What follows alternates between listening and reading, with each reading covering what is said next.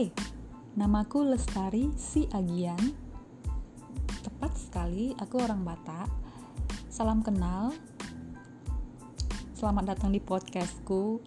Semoga kalian berbahagia dan sehat selalu. Sebagai perkenalan, saat ini aku berprofesi sebagai salah seorang pegawai di sebuah BUMN udah lama aku kerja di sana sekitar 4 sampai 5 tahun kalau nggak salah.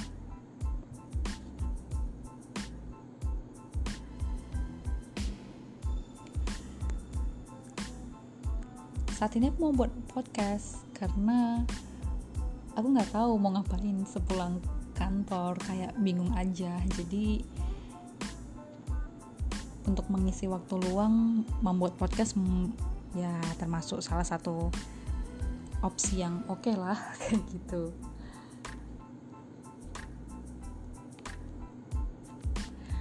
Pada dasarnya aku nggak tahu siapa yang mau aku bicarakan mungkin aku akan search banyak hal.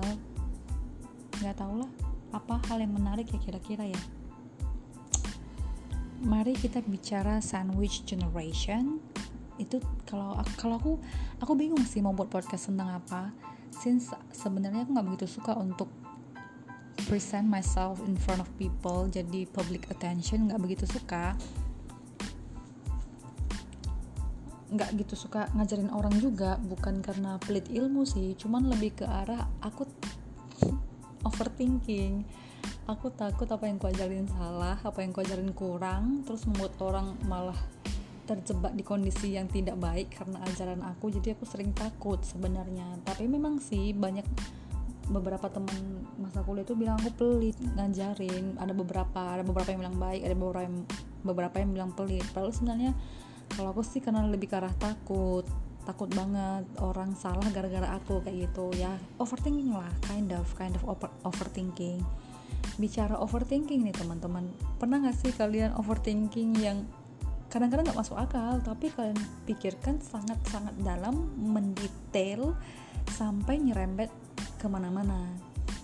Sebenarnya ada plus minusnya overthinking sih menurutku. Uh, positifnya itu adalah kadang-kadang aku personally bisa generate ide-ide gila atau gimana ya out of the box semacam itulah atau mungkin aku bisa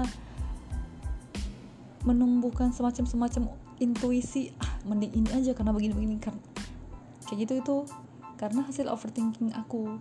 Nah tapi kadang-kadang kalau misalnya overthinking yang ke arah yang terlalu terlalu terlalu apa ya terlalu dark bisa membuat kita lambat mengambil keputusan atau kalau misalnya dark itu kayak terlalu sedih sedih sedih sedih kayak lama-lama bisa tenggelam tenggelam dalam kesedihan kayak gitu. Jadi kayak sejauh ini overthinking itu ada plus minusnya tapi memang kemungkinan lebih banyak minusnya. Aku nggak pernah punya data terhadap itu jadi aku hanya berasumsi seperti itu bisa dipercaya atau tidak.